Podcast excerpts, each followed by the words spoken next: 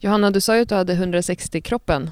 Alltså 160 kilon. 60 i kroppen! Ja. Du sa ju att du hade det. Ja, det stämmer. ja. Innan vi, när vi poddade, jag tror att det var när vi poddade sist eller om det var gången innan, så, så hade du ju dragit 155 Ja, men i precis. mark.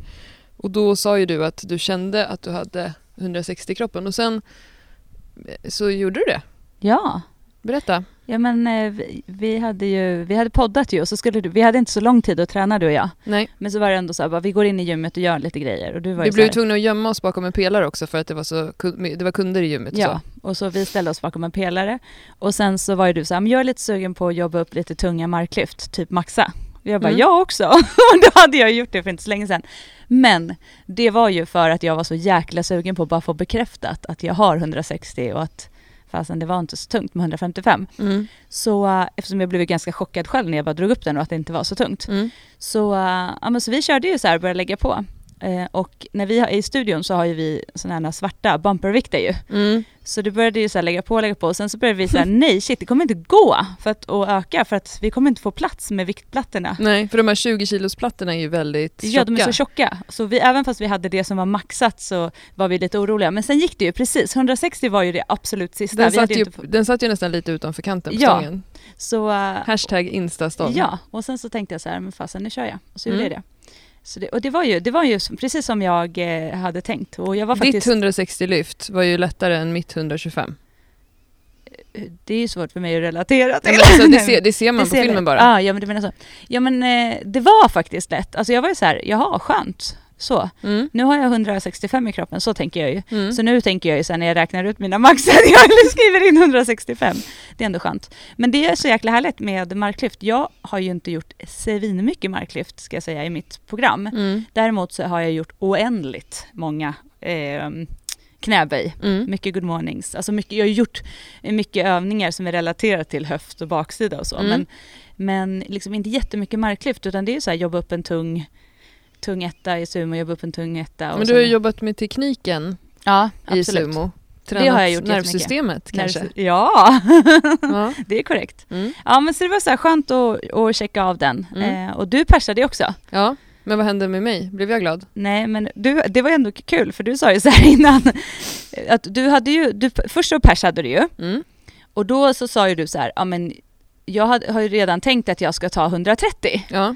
Och så sa ju du så här till mig, blir man inte glad då när man klarar typ 125 fast det är pers? Alltså det vill säga Mm. att du hade redan en bild av vad du skulle klara ja. men du persade men ändå hade du inte klarat det du hade tänkt och då, Mm. menar, då, då var Blev ju du jag så här, ändå sur? Ja, och det är det som är grejen. Men då ska vi också vara tydliga Klara. Vad gjorde jag den gången jag klarade 155 och kände att jag hade mer i kroppen?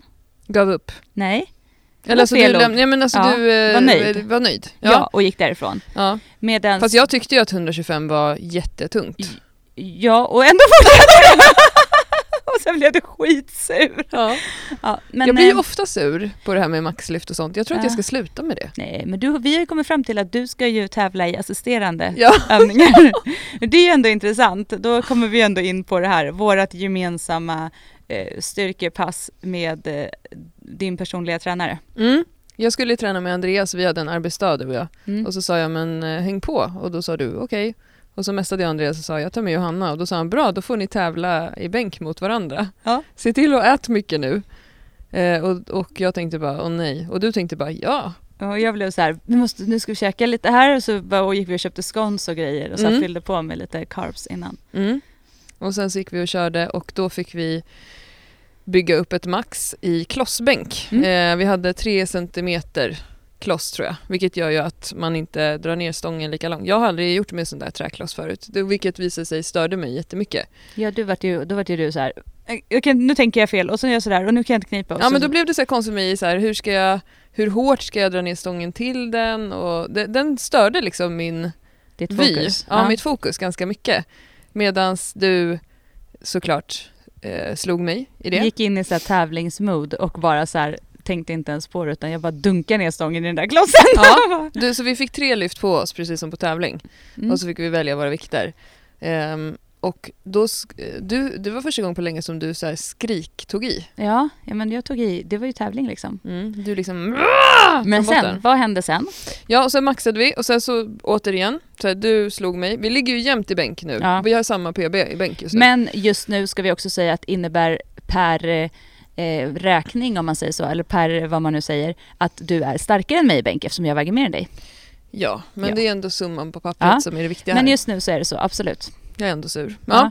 Och så okej. jag, jag gick faktiskt in i ett hörn och skrek ett könsord. Ja, du gick bokstavligen in i ett hörn, ställde dig där, lutade fram huvudet och skrek in i hörnet eh, ett könsord. Men det var ju i alla fall väldigt moget. Men sen så då skulle vi göra massor med assisterande övningar Ja, på det här. sen tänkte du och jag lite så här, ja, är vi färdiga nu? Ja. Men då var det en halvtimme kvar, minst. ja, Då skulle vi göra assisterande övningar och då skulle vi bygga upp en så tung femma som möjligt i floor press mm. med kedjor. Och då, då, hade, ju- då var det lite som att du hade så här, nej men jag är klar, va? Ja, Ska jag göra massa mer grejer nu? det var skittungt. Alltså då, och då körde vi ju först på samma. Mm. Och, sen så, och då var det ju för mig så här, jag gjorde ju, då, då, var- det Det var var smal som floor press också. Ja, smal och eh, då är blir det väldigt mycket triceps också. Mm. Och sen dessutom då så var det så att om man inte pausade i botten, då fick Just man det, liksom så här, tills pip, du till." får göra om. Ja, Så jag började med att göra några sådana nitar och så blev jag lite så arg ja. för att jag inte pausat tillräckligt länge för det var skitjobbigt. Det var inte Ja. så att jag så här, jag skiter i att pausa för att vara dum utan jag är så här, jag skiter i för att pausa för jag vill göra klart det här.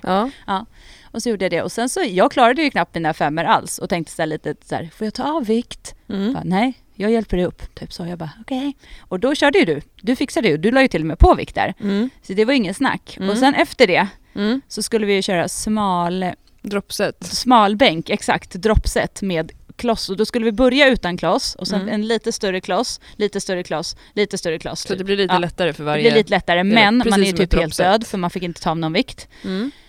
Och då var det ju så här, då var, började det så här, gör tio. Jag bara, typ skämtar du eller? Och sen så fick jag göra, sen efter, typ, efter några stycken repetitioner, han bara okej du kan köra fem. och sen fick man ju fortsätta med det där. Och då Ja. var det så här, jag började ju i, mitt i det här, började jag försöka deala till mig någon typ av Ja, det var så roligt. eller jag vet Du inte börjar vad så det här var. surra. Om jag inte kan göra så här, nu kan jag ifrån den här, okej, jag kanske gör två till. Och då är det klart sen.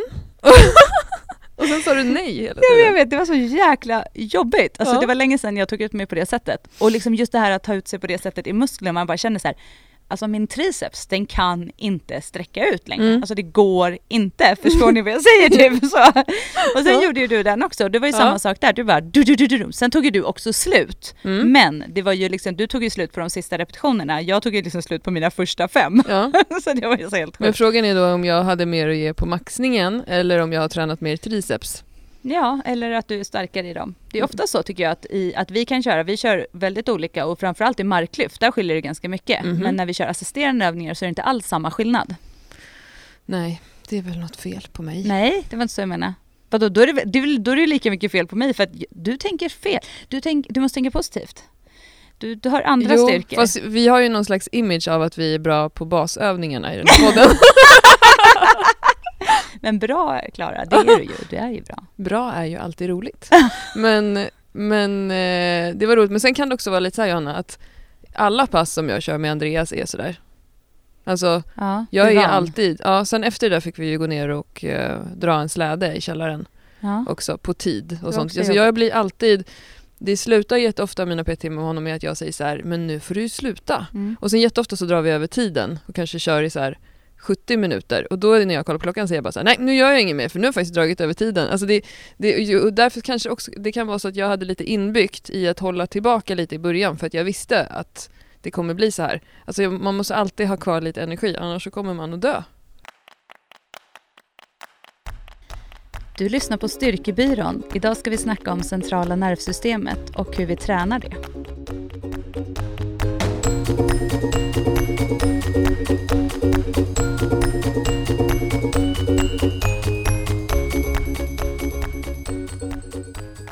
Vi får många frågor om det här med set och reps. Eh, I vår eh, Facebookgrupp får vi också väldigt mycket frågor om vad skillnaden är mellan att teknikträna Eh, och träna centrala nervsystemet och att träna tungt. Och det är många som har svårt att skilja på när, de, när det är de värmer upp och när det är de tränar eh, i sin liksom, styrkedel.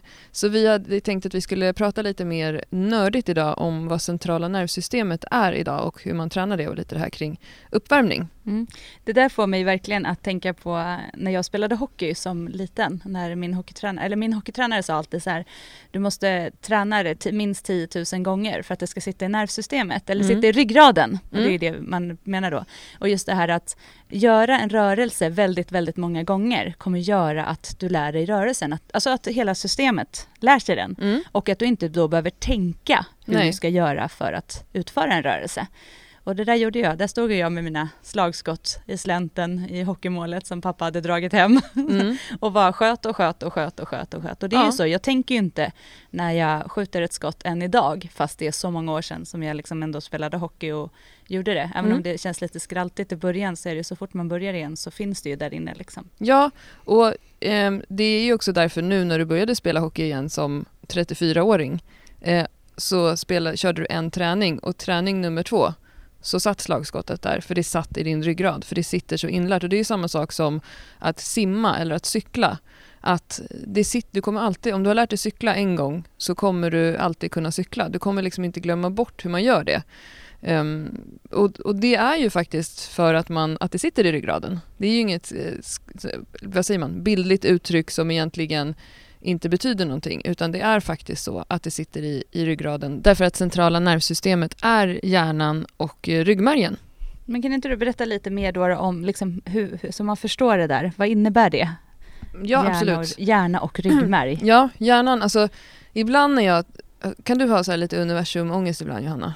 Eh, nej. Ja men typ att så här, att det är så stort och att det aldrig tar slut. Nej, det har jag inte klarat. Men sen, har jag inte jag, sen går inte jag heller och tänker så här att om jag inte direkt lägger in de här personerna i vårt Excel-ark, så ifall att jag skulle typ falla ner och hamna i koma så vet inte du riktigt om jag har lagt in dem eller ej, eller vad var det du sa här innan?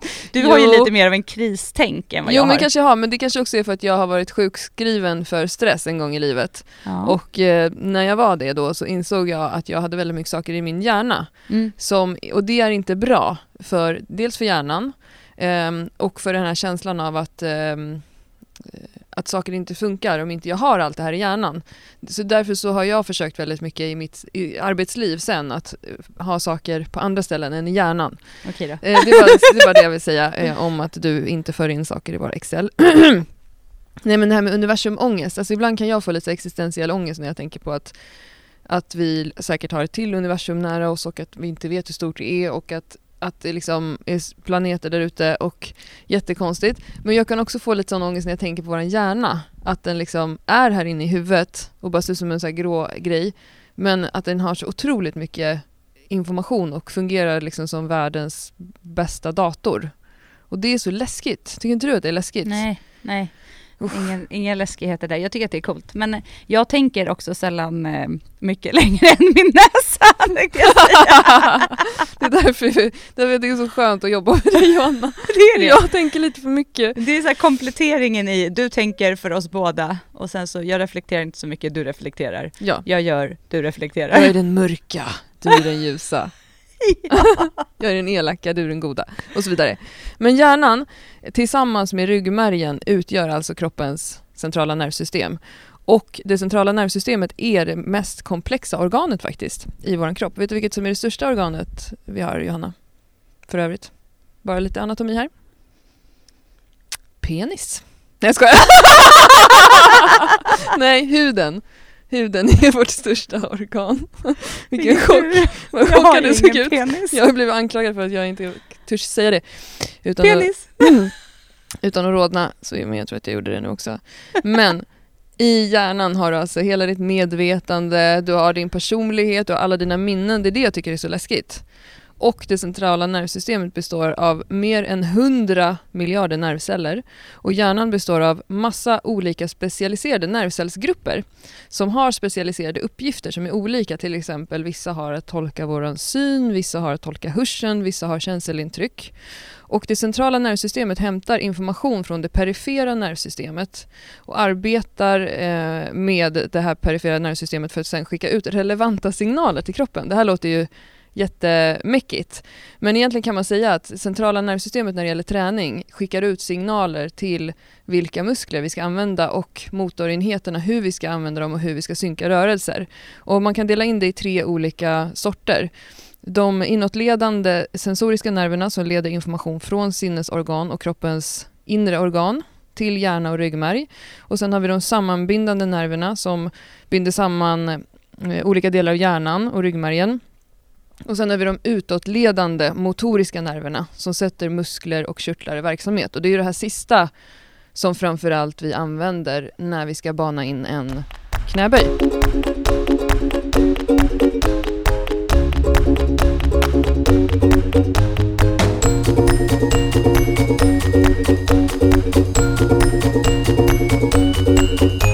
Men då, och då tänker man ju ändå det här med när man, om man liksom knyter an det till träning. Mm. Alltså det är ju det är ju det som är lite spännande. Dels Mm. så har vi ju så här, när man generellt om man tittar på sport och träning så är det ju så att har man någon gång gjort, precis som vi pratade med min hockey, har man någon gång hållit på med någon idrott eller eh, tränat eh, något någonting så, Mm. så kommer man alltid ha lättare för att ta upp det. Man har ett muskelminne, man har eh, banat in de här banorna så även om det känns lite konstigt i början så krävs det ganska lite för att man ska liksom hitta tillbaka till det igen för att det Mm. finns där inne så liksom långt djupt rotat. Eh, och det tycker jag är spännande. Men det, det, och det är också en sån sak som man då ska tänka på när det är nybörjare Mm. i till exempel då. Så vi har ju jättemånga som, som skriver och som är med i våra community och sådär att, att så här, som aldrig har gjort de här sakerna förut. Mm. Och då, det ska man ändå tänka på då att när man vill lära sig någonting så krävs det en hel del träning. Ja, och det kan man se åt andra hållet också. Att om man skadar sig och skadar, eller till exempel man gör en operation eller man gör ett kejsarsnitt eller en gallstensoperation eller vad som helst. Jag nyligen nu skar ju mig ganska illa i ett pekfinger. Vilket har gjort att jag fortfarande inte har full känsel i det fingret för mina nerver är avskurna och de har inte hittat tillbaka till varandra och växt ihop igen och, um, och de kanske aldrig gör det. Vilket gör att jag har fått ett helt annat rörelsemönster i min högra hand. Dels så har jag börjat eh, skriva med långfingret istället, vilket ser helt idiotiskt ut. Till exempel på en smartphone och sådär. Så det ser ut som att jag pekar finger ganska ofta nu. Jag rättar till saker med långfingret och sen så har jag också börjat slå mig i det här pekfingret för att jag har ingen känsel i det. Så ofta så dusch, diskar jag till någonting eller så här dunkar. Det är liksom ett konstigt finger. Men däremot så märker jag att styrkan är ju där fortfarande. Jag kan hålla en skivstång utan att tappa den. En ganska tung. Eh, så det funkar ju ändå, men jag måste också öva om eh, mitt rörelsemönster för att det ska börja automatiseras igen så att jag inte beter mig så här. För annars kommer ju det här leda till att jag gör någonting konstigt. Det var samma sak för mig när jag fick operera mitt ben. Jag hade brutit det illa för många år sedan. Så hade jag ett jättekonstigt rörelsemönster efter det där jag liksom försökte undvika att eh, använda benet så att det gjorde ont. Och det där är ju jätteviktigt att man övar bort. För annars så sitter ju det också i ryggraden. Att man gör det här konstiga, felaktiga. Det är också väldigt vanligt att folk går runt med spända axlar idag. Och det är inte för att de har någon så här hiss som håller i dem eller någonting, de sitter fast i något hängsle i himlen som drar upp deras axlar. Utan kanske för att man är stressad så att man liksom ytandas här uppe. Vilket gör att man inte slappnar av och sänker ner axlarna vilket kan leda till att man får ett felaktigt eh, rörelsemönster. Så det är ju så mycket med det. Många som vi träffar som kanske har gjort, vi säger knäböj, i liksom väldigt länge, har tränat jättemycket och kanske gjort det lite fel utifrån vad som är bra för deras kropp och i rörelsen och sånt. Och så, så liksom hittar man då lite förändringar och man försöker göra, liksom, hitta så att det ska bli bättre. Och så tränar de några gånger och så kommer de tillbaka och så bara, nej det känns helt omöjligt, jag, jag hamnar i det här gamla hela tiden. Mm. Och det har ju med att göra att då har de gjort det här så många gånger Mm. så måste man också tänka på att det tar ju tid att lära sig en ny rörelse. Så Ja. vill man förändra sin teknik och rörelse så kräver det ju att man gör det många gånger. Det räcker ju inte att man går till gymmet tre gånger i två veckor och tänker på det här nya och sen tänker att så här, ja, men nu om jag går dit och inte tänker på hur jag gör det så kommer det bara bli. Mm. Utan då kommer det krävas en extremt liksom, eh, vad heter det, uppbyggnad av Mm. systemet för att lära sig den här nya rörelsebanan. Mm. Och det märker jag, jag gjorde, skulle göra små, lite små förändringar i min böj efter att vi hade gått på den här utbildningen i evidensbaserad styrkelyft. Eh, och jag måste ju verkligen tänka på de förändringarna så här, på, riktigt ordentligt varje gång jag ska göra mina böj Mm. nu. Till skillnad från tidigare när jag gjorde så tänkte jag inte på det men då hade jag det här lilla liksom, som jag ville korrigera. Och- Och det, är ju, så det känns ju nästan helt omöjligt. Men det handlar ju om att jag måste ju göra många reps med rätt teknik nå utifrån Mm. hur jag ska göra. Mm. Men sen, jag tänker på det här Klara, med när man är nybörjare. Mm. Eh, dels så visst att man ska träna in rörelse men det, vi, det som jag upplever oftast och som man ser tydligt och som många upplever när de börjar till exempel träna basövningarna är ju att de i början har en väldigt snabb utveckling. Mm. I, liksom, och kan- kan öka vikterna ganska mycket och bli sen lite chockade när man inte kan öka hela tiden. Har det liksom med det här nervsystemet att göra eller? Ja, eh, alltså de förändringar som sker i eh, nervsystemet och i våra muskler när vi styrketränar kallas för en neuromuskulär anpassning. Och eh, det är den anpassningen som ger oss ökad styrka, ökad explosivitet, ökad uthållighet i muskeln. Och i början så, vi brukar prata om så här nybörjar-gains, så kan man få ganska mycket ökad muskelmassa till exempel om man är nybörjare. Man kan ju lägga på sig flera kilo muskler första året och sen kommer det inte bli, vara lika lätt längre när man eh, fortsätter. Då är det istället nervsystemets anpassning som står för nästan hela förklaringen till att man ser en styrkeökning. Och förbättringen sker sen eh, tillsammans med styrkeökningen beroende av om tekniken blir bättre och nöts in. För då kan vi koppla på kringliggande muskler och jobba bättre med rörelserna. Och, centra eh, och centrala nervsystemets anpassning gör att vi kopplar in fler motoriska enheter som kan utföra en rörelse. Eh, och det här är, nu går vi också in på så här, sånt som man som PT-kund inte behöver tänka på, eh, men som man får på tentan när man läser fysiologi. En motorisk enhet är eh, i princip ett, en, en bunt muskelfibrer. Och eh, hur många muskelfibrer som är en del av en motorisk enhet varierar i olika muskler. Men det som händer är att avfyrningsfrekvensen ökar, vilket betyder att eh, nervimpulserna kommer tätare till muskeln och muskeln kommer alltså få eh, fler anrop och vi kommer få ett bättre samspel mellan de här enheterna. Vi kommer få mer synkroniserade och jämna, jämnare rekryteringar. Och det viktigaste är alltså att eh, nervsystemets anpassningar gör att muskeln kommer att jobba bättre ihop med andra muskler som också är involverade i rörelsen. Och det här är ju någonting som man till exempel, vi pratar ju en del om excentrisk träning. Till exempel många som vi träffar vill lära sig göra chins. Och då kan vi jobba med excentriska chins där man tar sig upp på valfritt sätt på ett räcke och sen håller emot när man är på väg ner. För då kommer man att rekrytera fler muskelfibrer för muskelfibrerna kommer att tro att de håller på muskler eller kroppen tror att den utsätts för en kris och kommer att koppla på mer. Eh, och på det sättet så kan man bana in ett, eh, ett, ett nytt avfyrnings eh, rekryteringsmönster helt enkelt. Mm. Tjoho, där hängde ni med. så vad betyder det här på svenska egentligen? Det här betyder att det är jätteviktigt att också träna det centrala nervsystemet. Och som vi pratade om innan, att får man ett felaktigt centralt nervsystem, säg att jag nu skulle fort att göra marklyft med mitt lama pekfinger pekandes rakt ut, då skulle jag kunna bana in ett felaktigt rörelsemönster som också skulle göra att mitt centrala nervsystem inte skulle agera optimalt. Jag kanske inte skulle kunna rekrytera tillräckligt mycket nya muskelfibrer eh, så att jag skulle få eh, kall på det här samspelet och så skulle, jag inte, så skulle jag känna att min styrkeutveckling står still.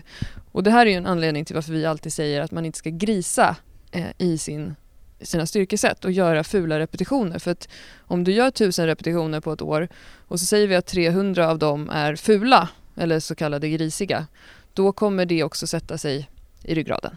Det är det jag säger. Ja, så det, är- och det där, det, det gillar jag. Det där, sista klatschen där, då kände jag så här, där, där kom vi hem, där, Där fattade jag också vad du menade. Nej men just det är exakt det det är. Grisiga, gör du många grisiga så kommer det vara lika väl det som nervsystemet lär sig. Mm. Och då blir det också svårt när du ska göra fina sen, att göra dem Mm. eh, varje gång. Vill Men- man gå in på en ännu mer hardcore nivå, Johanna, Okej. nu kan eh, de lyssnare som tycker att det är skittråkigt stänga av. Då handlar det om olika, olika rekryteringsmönster. Där man till exempel, vi diskuterade häromdagen på en av våra lyftargrupper om armhävningar är en bra eh, assisterande övning till bänkpress. Och då får man tänka på att armhävningar och bänkpress har olika rekryteringsmönster beroende på att den ena är i en sluten kedja, som det heter. Därför att golvet sitter fast och du står med båda fötterna i golvet, du har händerna på golvet. Medan stången i bänkpressen är lös, vilket gör att det är en öppen kedja. Vilket Mm. då kommer att få olika rekryteringsmönster för dina motorenheter och dina muskelfibrer. Så de kan vara överföringsbara till varandra men det kan vara bra att känna till att det är, ehm, att det är olika rekryteringsmönster. Mm. Bra. Slut på passus. men nu bara, check, check, check. Nu pratar vi vanligt språk igen. Nej då. Och jag tycker att det här är superspännande för att just det här att allas, det är så många som eh, frågar, som vi sa i inledningen, det här med reps och sätt och teknik och ta i och hur mycket får det vara på bekostnad av teknik och så vidare. Vi säger ju, i ena meningen säger vi så här, ta i lite mer och kör. Och så i andra meningen säger vi så här, du måste träna teknik och det får inte vara för grisigt. Mm. Att det är liksom en salig blandning av två stycken ytterligheter. Mm. Men Eller så är det inte det. Nej, för det var det jag tänkte att vi skulle försöka liksom någonstans komma in till, fram till. Liksom hur, hur är det man kan tänka om man tänker att man vill ha alla de här delarna med sig? Vad säger du Johanna då? Vad, Mm. vad, alltså en, sak, en, en jättevanlig fråga när det kommer till just det du säger nu är ju eh, hur mycket ska jag värma upp och vad betyder det när ni pratar om de här aktiveringsövningarna? Vad är det för något? Mm. När, när vi pratar aktiveringsövningar först och främst, då är det övningar där vi jobbar med framförallt muskler och rörelse som vi ska göra i den stora övningen. Det vill säga, ska jag göra marklyft till exempel, eh, då kanske jag vill göra några fällningar i uppvärmningen för att en marklyft är en höftfällning. Jag kanske vill, jag vill jobba, jag kommer jobba mycket med rumpan. Rumpan är en jättestor del i marklyften. Ja, men då kanske jag vill jobba lite med att aktivera sätet, det vill säga jag vill slå på musklerna i rumpan Mm. för att de sen ska börja jobba när jag gör mina marklyft. Så att jag Mm. inte står där, har suttit en hel dag eh, på min stol, typ 7-8 timmar och så har jag gått till gymmet och så ska jag börja göra marklyft med en rumpa som är totalt inaktiverad. Mm. Det kanske inte blir optimalt, jag kanske inte får ut så mycket av det. Och då är det ju bra att man tänker lite i banorna, vänta nu, vad är det jag ska träna och vad kan jag behöva göra för rörelser och aktiveringar innan? Mm. Ska jag, känner jag att mina skulderblad till exempel, jag har jättesvårt att hitta liksom, eh, rörelse, eller rörlighet eller rörelse i dem, att det kanske är där jag ska jobba lite. Så att aktivering och uppvärmning är främst att få göra rörelsen Mm. eh, och att musklerna ska få jobba som är med i den eh, huvudövningen då som man kanske vill jobba med den stora övningen. Mm. Eh, och där tycker jag att det är också så bra att man börjar tänka lite själv. Varför gör jag de här övningarna och vilka gör jag? Det är ju också en reflektion i så här, vad är det jag tränar för någonting? Mm. Alltså här jag, ligger jag och gör bänk. Det är inte så kanske att, min, att mina eh, eh, framsida lår är de eh, st- största fokusgruppen i bänkpressen. Nej men du är Mm. med på vad jag menar. Mm. Att just börja reflektera. Och då är det ju så att när vi gör i uppvärmningen, när vi ska värma upp, om jag ska jobba, nu säger vi marklyft, och jag ska jobba rätt efter ett program där jag ska göra 5 gånger 5 i mina arbetssätt, alltså styrkesätten. Mm. Eh, Då vill jag ju värma upp så att när jag ska börja göra mina 5 gånger 5 då ska jag ju ha en vikt som jag kan göra 5 gånger 5 utmanande men med bra teknik. Uppvärmningen ska ju inte vara så att jag är helt slut när jag kommer till min femma. Vi säger att jag ska göra mina femmor på 100 kilo. Då kanske jag börjar jobba på 60 eller 70 kilo. Och då gör jag så här en femma på 60 kilo med fin teknik. Jag gör allting noggrant. Jag gör det som om det skulle vara tyngre. Jag gör en femma på kanske 70 och så kanske jag gör en på 85 och så kanske jag gör en på 90 eller 80 Mm. och 90 beroende på hur många sätt jag vill göra och vad det är för övning. Och sen så har jag då kommit upp till, då har jag gjort min sista uppvärmningsset på 90 kilo. Sen lägger jag på min hundring och så gör jag mina 5 gånger 5 Och det här var militärpress. Nej, ja precis. Men jag pressar ju det. Nej, det var biceps curl faktiskt. jag har Ja. biceps curl som eh, huvudövning, nämligen i alla mina pass.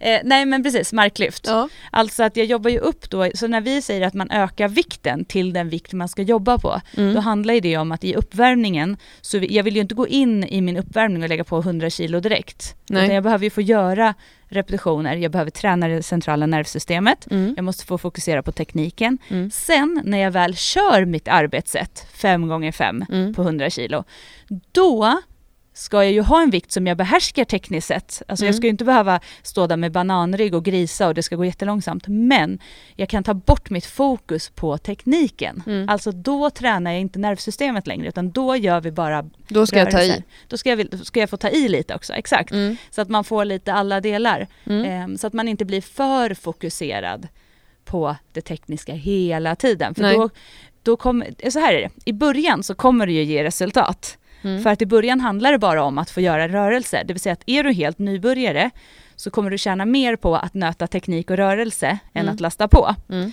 Så att, men sen när du kommer till en viss gräns så krävs det att du tar i också. Mm. Så det är ju två delar. Är man helt nybörjare så kan det vara nyttigt att göra lite fler reps och få nöta teknik, teknik, teknik. Mm. Det är inte jätteviktigt och gör man då sådana här 5-3-1-program som egentligen är gjorda kanske för folk som har tränat lite mer, Mm. Eh, då kommer man ju inte få riktigt samma resultat för då kommer man ligga på väldigt lågt repsantal. Mm. Så då vill man ju komma upp i repsantal. Så är man helt nybörjare då kanske man inte behöver fokusera så mycket på att man ska göra 5 gånger 5 för att bli maxstarkare. Nej. Utan då kanske man ska tänka så här, okej mitt fokus nu är att lära mig rörelsen Mm. och sen kan man börja jobba. Det här är ju en, en av tankarna med det som finns i vårat det här Skinny Bastards-programmet som, som vi har rippat från Westside Barbell. Där man gör två reps Ja, och så gör man två reps tills man har gjort ungefär ja, mellan 30 och 40 totalt. exakt. Och då ska de eh, vara fina, gå fort eh, och du kan bygga upp vikten tills att du känner att så här, men nu la jag på till en vikt tills det helt plötsligt, nu hände det någonting med rörelsen, den började gå långsammare eller jag började böja ryggen eller det blev krokigt. Då plockar du av igen och så fortsätter du göra två reps, vila, två reps, vila. Det är, eh, det är träning av centrala nervsystemet och att bana in en rörelse och att få lite flås Ja. i, i rörelsen och att känna sig trygg med den så att du alltid gör likadant.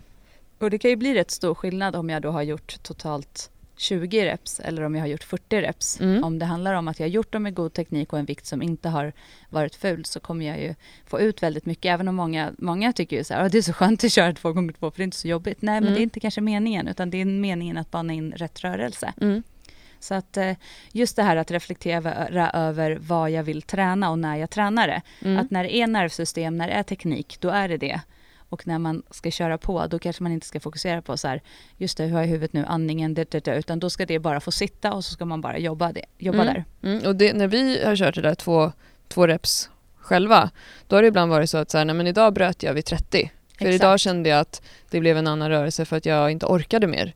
För att det blev tungt med 30 reps på 50% ändå. Så det, och det är ju verkligen nyttigt också för att lära känna sin kropp och för att lära känna den där dagsformen. För det är också någonting som, som nybörjare har svårare för. Vad är det för typ av dag idag? Både du och jag kan ju ta tag i en skivstång och göra två reps och känna aha, idag är det en sån här dag. Men det är någonting som jag ofta tänker på med mina PT-kunder. Att de ofta inte har en susning om vilken typ av dag det är i deras kropp.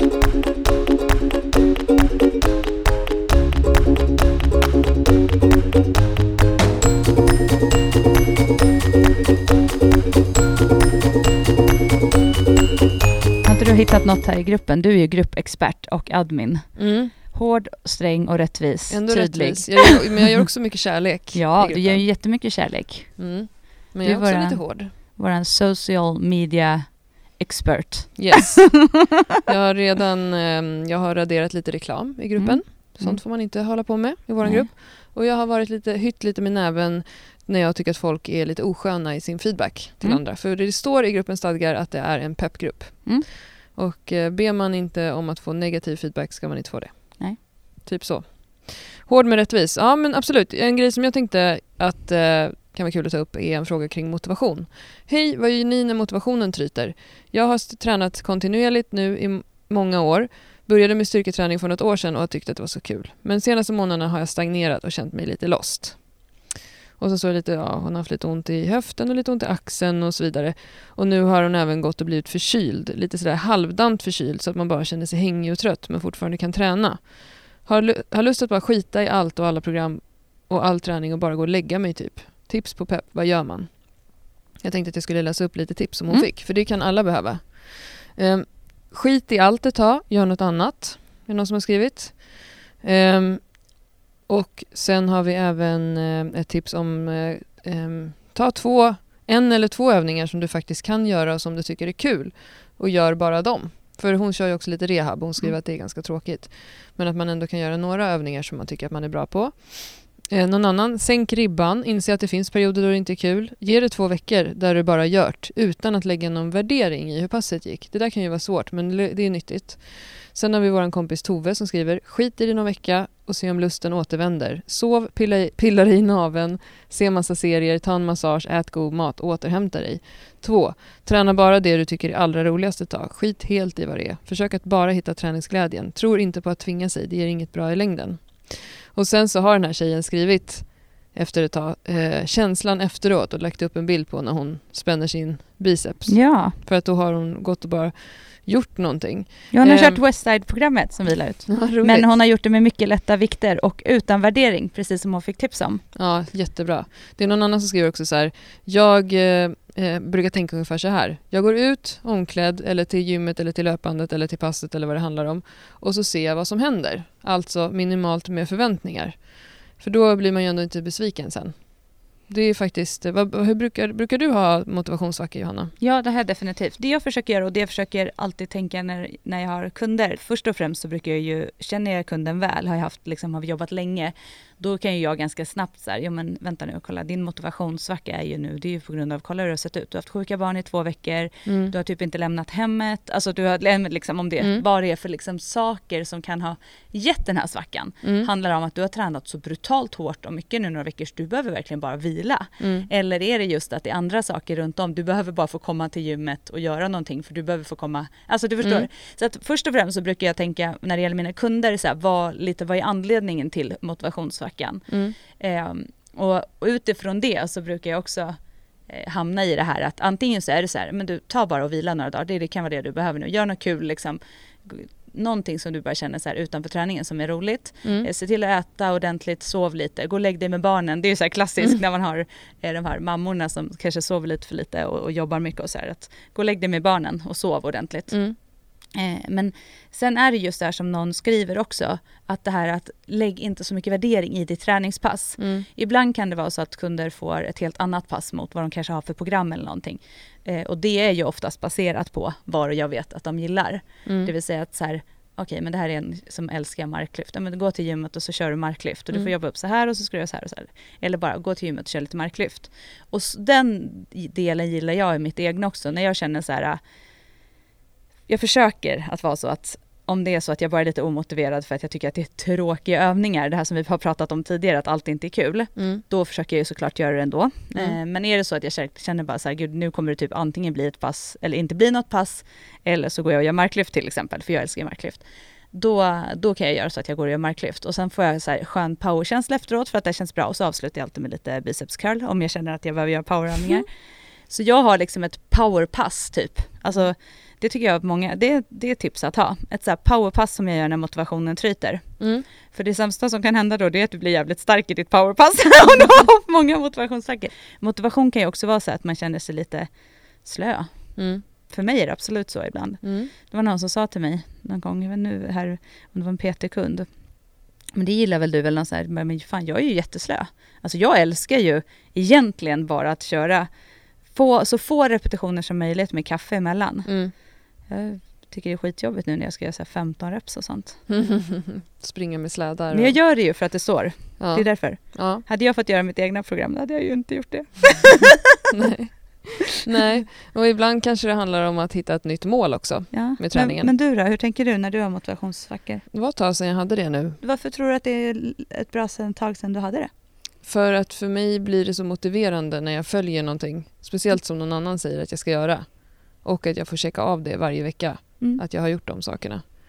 Det är väldigt motiverande för mig. Men annars hade jag ju många motivationssaker förra året för att jag hade ett jättejobbigt år med massa andra saker och att jag då kände mig väldigt svag. Eh, och då, hur jag löste det då var ju att jag kontaktade en PT. Faktiskt. Ja. För att här, då får någon annan styra i det här. För att Mm. så fort jag tog tag i en hantel, jag hade liksom ett, när jag var som sämst då ty- tyckte jag att det var tungt att ge hantlarna till mina kunder. Mm. Och då kände jag så här, det här är inte kul. Nej.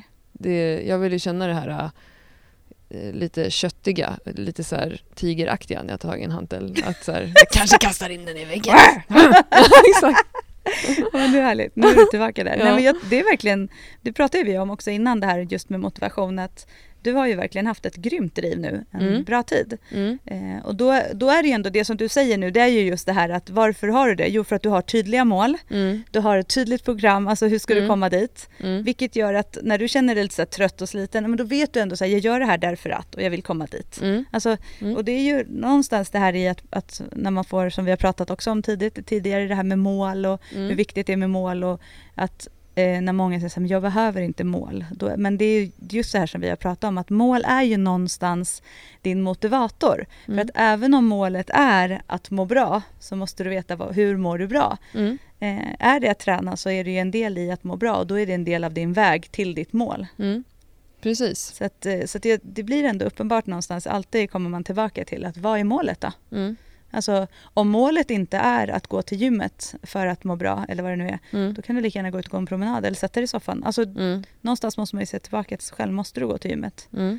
Eh, men förmodligen, hon som ställde den här frågan, eller som bad om det, som som sagt la ut sin, en bild på en stark bicepsen och ett sjukt glatt ansikte. Mm. Hon visste, vet förmodligen att i hennes målbild så handlar det om att gå till gymmet för att känna sig stark och må bra. Mm. Det är bara en gissning jag gjorde nu, men man kan se det nästan på bilden att liksom, det där är ju det hon mår bra av och får bra energi av. Mm. Jag tänkte också göra lite reklam nu när vi börjar närma oss vägs ände här.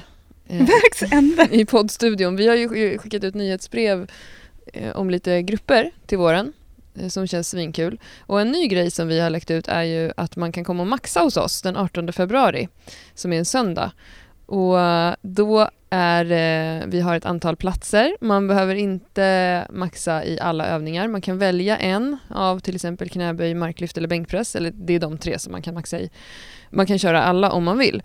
Och vi har fått ganska många anmälningar redan, vilket är superkul. Men en, vi har också fått många som har sagt så här, nej men jag, jag kan inte då för jag har inte tränat för det eller jag är inte upplagd för att göra ett PB eller eh, jag har inte, ligger inte i den fasen med min träning, det är så snart. Och då vill jag bara säga att Eh, man behöver inte tävla för att göra ett PB utan bara att, att testa, och det är ju ingen tävling ens en gång heller, det är ingen som vinner det här, men att testa på att maxa inför publik och bli påhejad och ha tre lyft på sig, eh, att bara få alla dem godkända och inte bomma på grund av till exempel att man tappar stången eller någonting sånt där.